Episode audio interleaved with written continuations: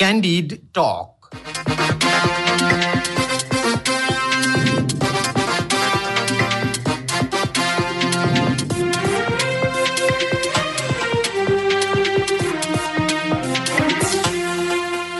नमस्कार क्यान्डिड टकमा तपाईँलाई स्वागत छ म धीरज बस्नेत रेडियो क्यान्डिडको प्रस्तुति कार्यक्रम क्यान्डिड टक तपाईँले शनिबार बाहेक हरेक दिन बिहान साढे छ बजेबाट सात बजेसम्म आधा घन्टा सुन्दै आइरहनु भएको छ।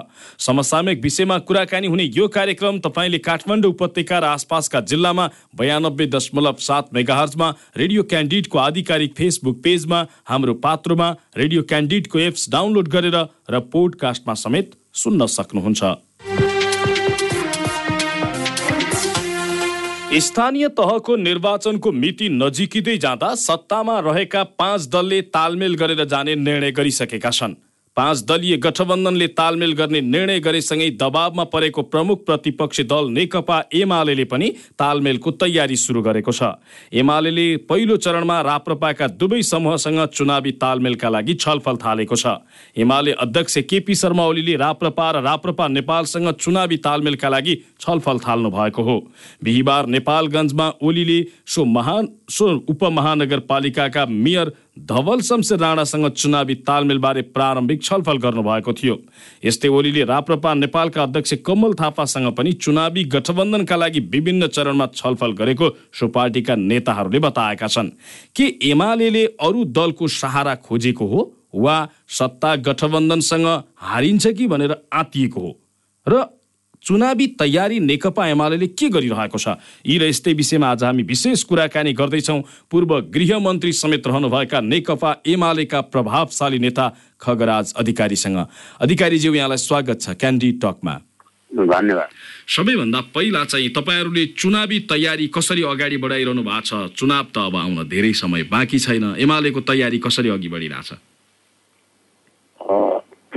हाम्रा टोल तहसम्मका कमिटीहरू र चुनाव प्रचार समितिहरू बनिसकेका छन् र तिनले परिचालन कमिटीका कार्यालयहरू बनाइसकेका छन् र पार्टीभित्र उम्मेदवार चयन गर्ने सम्बन्धित परामर्शहरू सुरु भइसकेका छन् र यो महिनाभित्र हामी उम्मेदवारको सिफारिस पनि टुङ्गाइसक्छौँ तलबाट माथि केन्द्रबाट चाहिँ टुङ्ग्याउने कुरा अर्को एक हप्ताभित्र हामी सक्छौँ।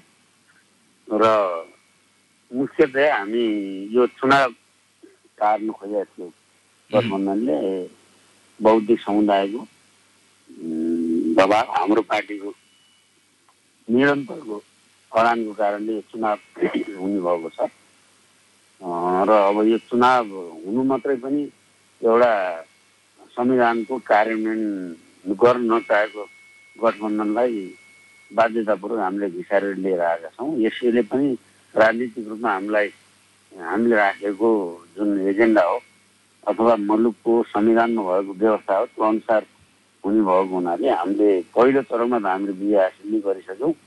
र अरू प्राविधिक तयारीहरू प्रशिक्षणहरू एजेन्टका कुराहरू सबै कामहरू हामी गरिसकेकै छौँ। र अध्यक्षको दौडधुप निकै तीव्र छ। तपाईँहरू पनि जिल्ला जिल्ला दौडिरहनु भएको छ। माहौल कस्तो पाउनु भएको छ तपाईँहरूले? माहौल त हाम्रो पहिला हामीले जसरी जितेका थियौँ त्यसमा हाम्रो बढोत्तरी हुने कुरामा हामी बहुत प्रष्ट छौँ। तर गठबन्धनले त तपाईँहरूलाई आछु आछु बनाउला जस्तो छ? गठबन्धन त टाउकीहरूको बिचमा हुन्छ जनतामा यो गठबन्धनको के अर्थ छैन झन्। उनीहरू नसकेर आत्मसमर्पण गरेर दल पाँच दल एक ठाउँमा आए भन्ने छ र ती सबै ठाउँमा फेरि दलको गठबन्धनको भागभन्दा मिल्छ भन्ने पनि छैन। अब यो हामीले देखिरहेकै छौँ त्यस कारण हामी उनीहरू गठबन्धन गर्न र भागभन्डा गर्न संयुक्त घोषणापत्र लिएर जान पार्टी एउटा पार्टी गठबन्धन एउटा पार्टी नेकपा एमाले दुई दलीय व्यवस्था भयो नि त देशमा यो राम्रै हो। त्यो अब त्यो पाँचवटा पार्टी बनाउनुको अर्थै छैन। एउटै घोषणापत्रमा चुनाव लड्दै हुनुहुन्छ उहाँहरू। होइन तर जस्तो तपाईँले भन्नुभयो नि गठबन्धनको कुनै अर्थ छैन भन्नुभयो तर त्यही गठबन्धनका कारणले गर्दाखेरि आत्तिएर तपाईँहरू पनि चुनावी तालमेलको तयारीतिर लागिरहनु भएको रहेछ होइन यो अब के छ भने हामी कसैलाई निषेध पनि गर्दैनौँ। सहकारीको हाम्रो जुन हाम्रो समृद्धिको यात्रा लोकतन्त्रको सबलीकरण स्वाधीनता राष्ट्रिय स्वाधीनताको कुरा अब जुन कुरा छ त्यसमा जो हामीसँग मिल्छन् उनीहरूसँग त हामी कहिले पनि सहकारी हामीले तोडेका छैनौँ।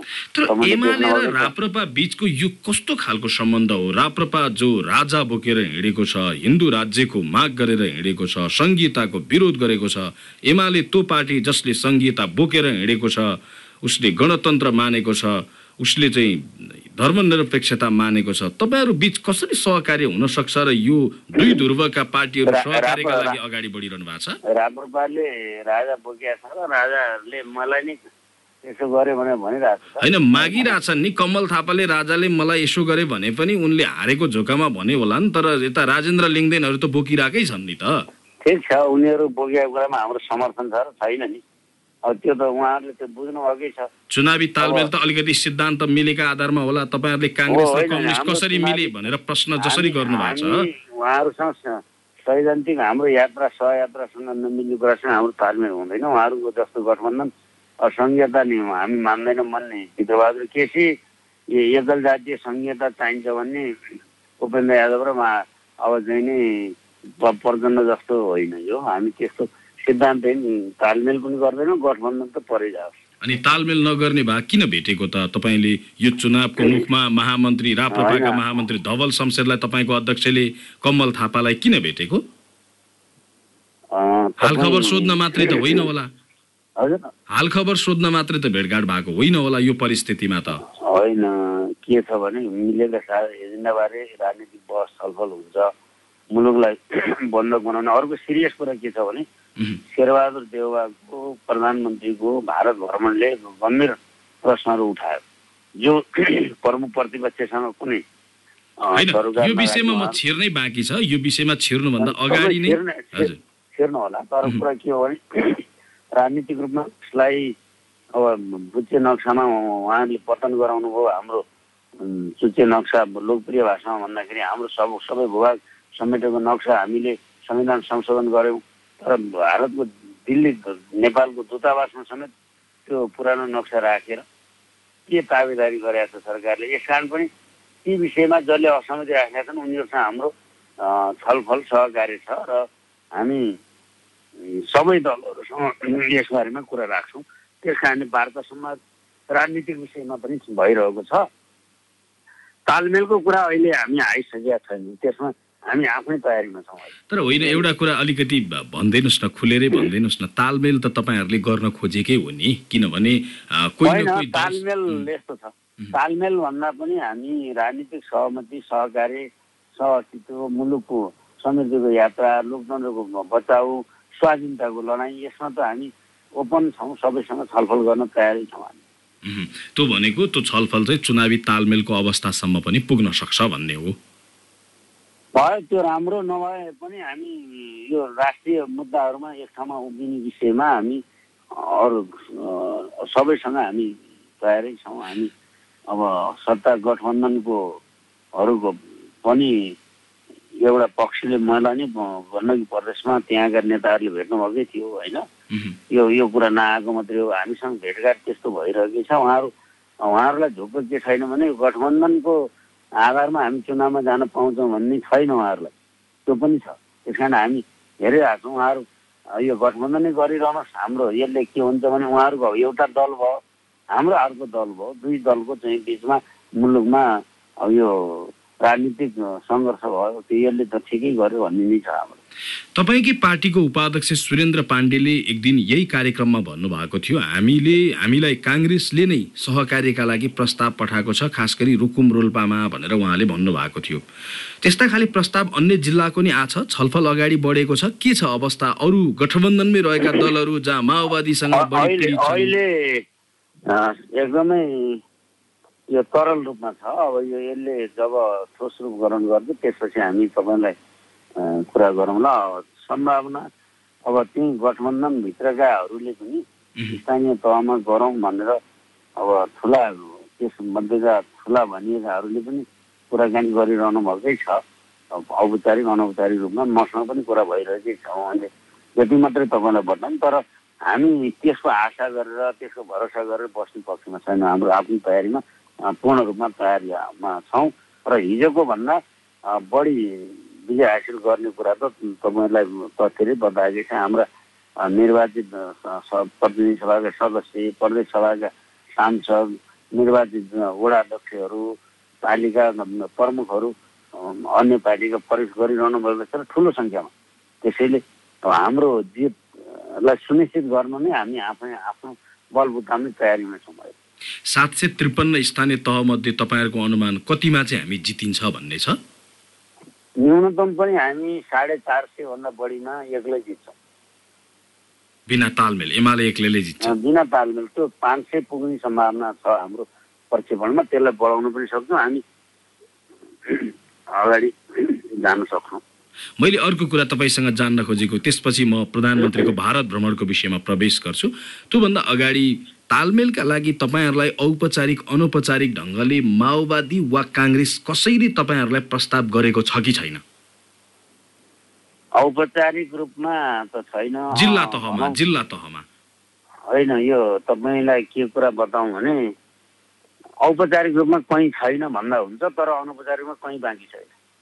सबै ठाउँमा तपाईँहरूलाई प्रस्ताव आएको छ कि तपाईँहरूले प्रस्ताव गर्नुभएको? हामीले कहीँ गरेका छैन कसैसँग पनि गरेका छैन। माओवादीले पनि तपाईँहरूलाई सहकार्यका लागि प्रस्ताव गरेको छ जिल्लामा? केन्द्रमै पनि त होला। कति कुराकानी वार्ता सम्बन्धी अहिले किन अब त्यो आकार ग्रहण नगरिकन म भन्ने पक्षमा छैन। त्यो कुराकानी छ।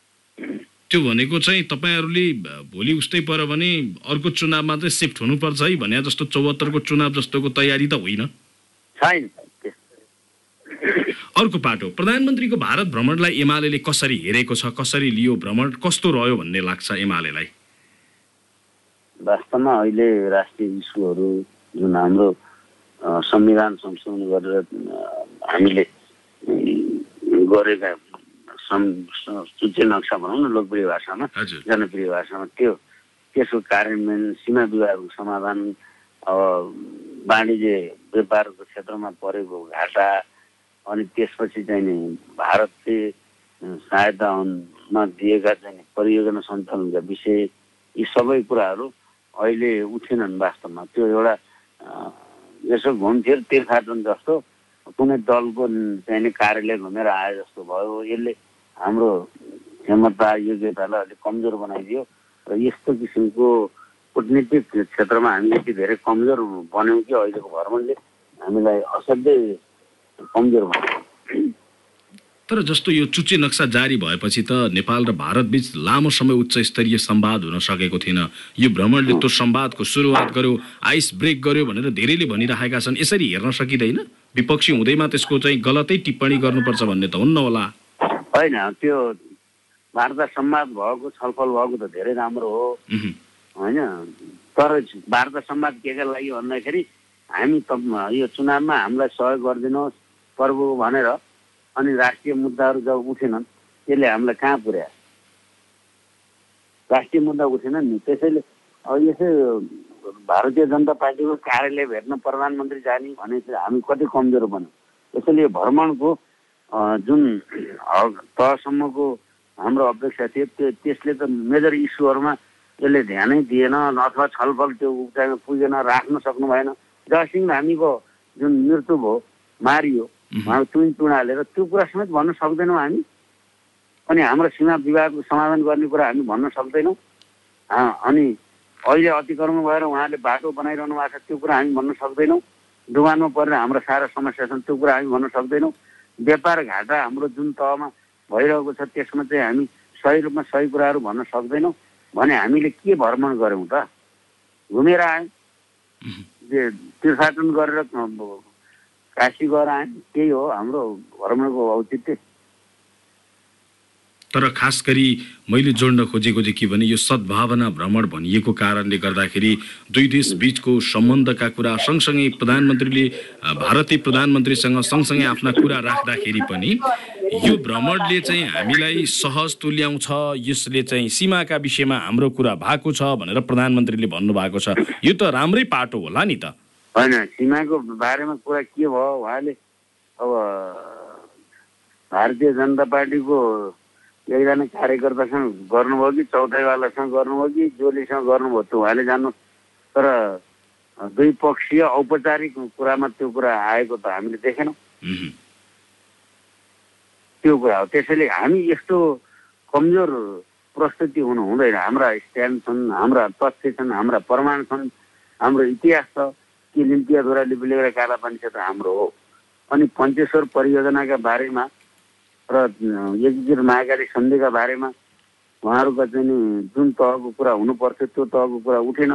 त्यति मात्रै होइन विज्ञ समूहको जुन प्रतिवेदनको सम्बन्धमा उहाँले कुरा उठाउन सक्नु भएन।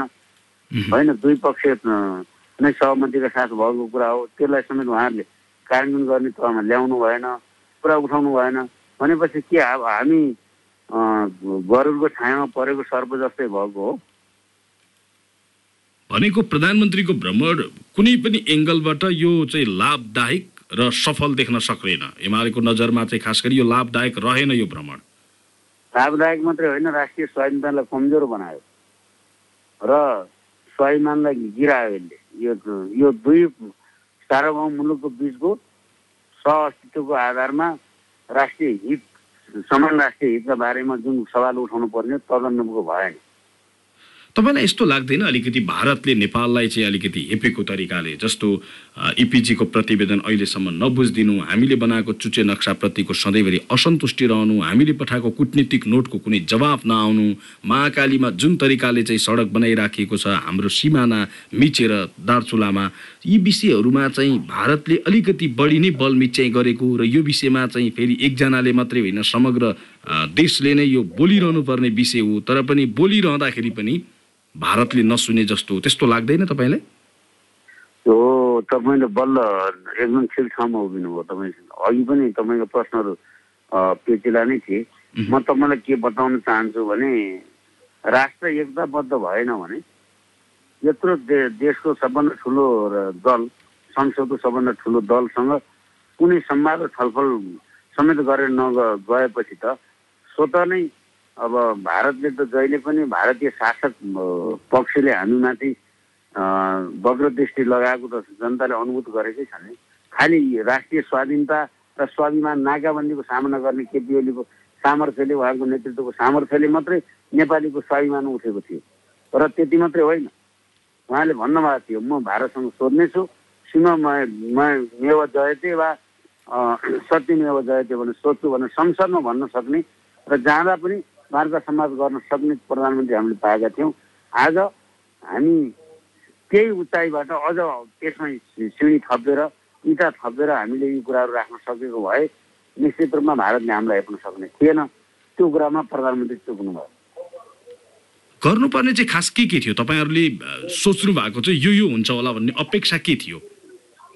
अपेक्षा के थियो भने प्रधानमन्त्रीले अब हाम्रो जुन सीमा सम्बन्धी समस्याहरू छन् व्यापार घाटा सम्बन्धित विषयहरू छन् यी विषयहरू र भारत सरकारको सहायतामा सञ्चालित परियोजनाहरू शीघ्र रूपमा सञ्चालन नभएका कुराहरू थिए तिनीहरूलाई यी विषयहरू गम्भीरतापूर्वक उठ्नेछन् र यी विषयहरू हामीले अपेक्षा गरे अनुसार भएन कतिपयले चाहिँ प्रधानमन्त्रीको भ्रमणलाई चुनावको मुखमा यसो सहयोग र सहायताका लागि जस्तो पनि भनेर टिप्पणी गरे। तपाईँहरूले चाहिँ त्यो नजरले हेर्नु भएको छ कि छैन?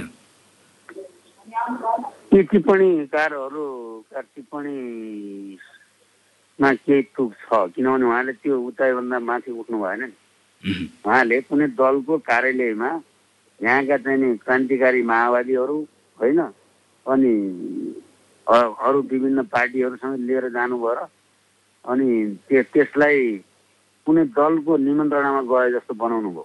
त्यस कारणले वास्तवमा यसले के भने चुनावमा हामी तपाईँको दलकै भातृ सङ्गठन शाखा सङ्गठन हो सहयोग गर्नुहोस् भन्नुभयो भन्ने मनोविज्ञान जनतामा विकास भयो। यो बडा नराम्रो भयो। हस् यहाँलाई महत्त्वपूर्ण समय र संवादका लागि धेरै धेरै धन्यवाद। यो मौका दिनुभयो तपाईँलाई धन्यवाद।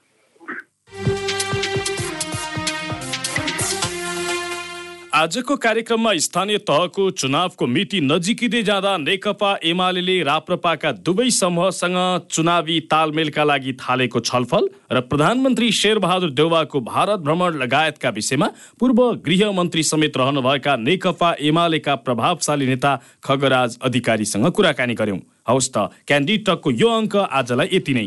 प्रविधि संयोजनका लागि सशेन्द्र गौतम र सृजना भुजेललाई धन्यवाद। कार्यक्रमबाट म धीरज बस्नेत विदा माग्छु। रेडियो क्यान्डिड सुन्दै गर्नुहोला। नमस्कार। Candid Talk.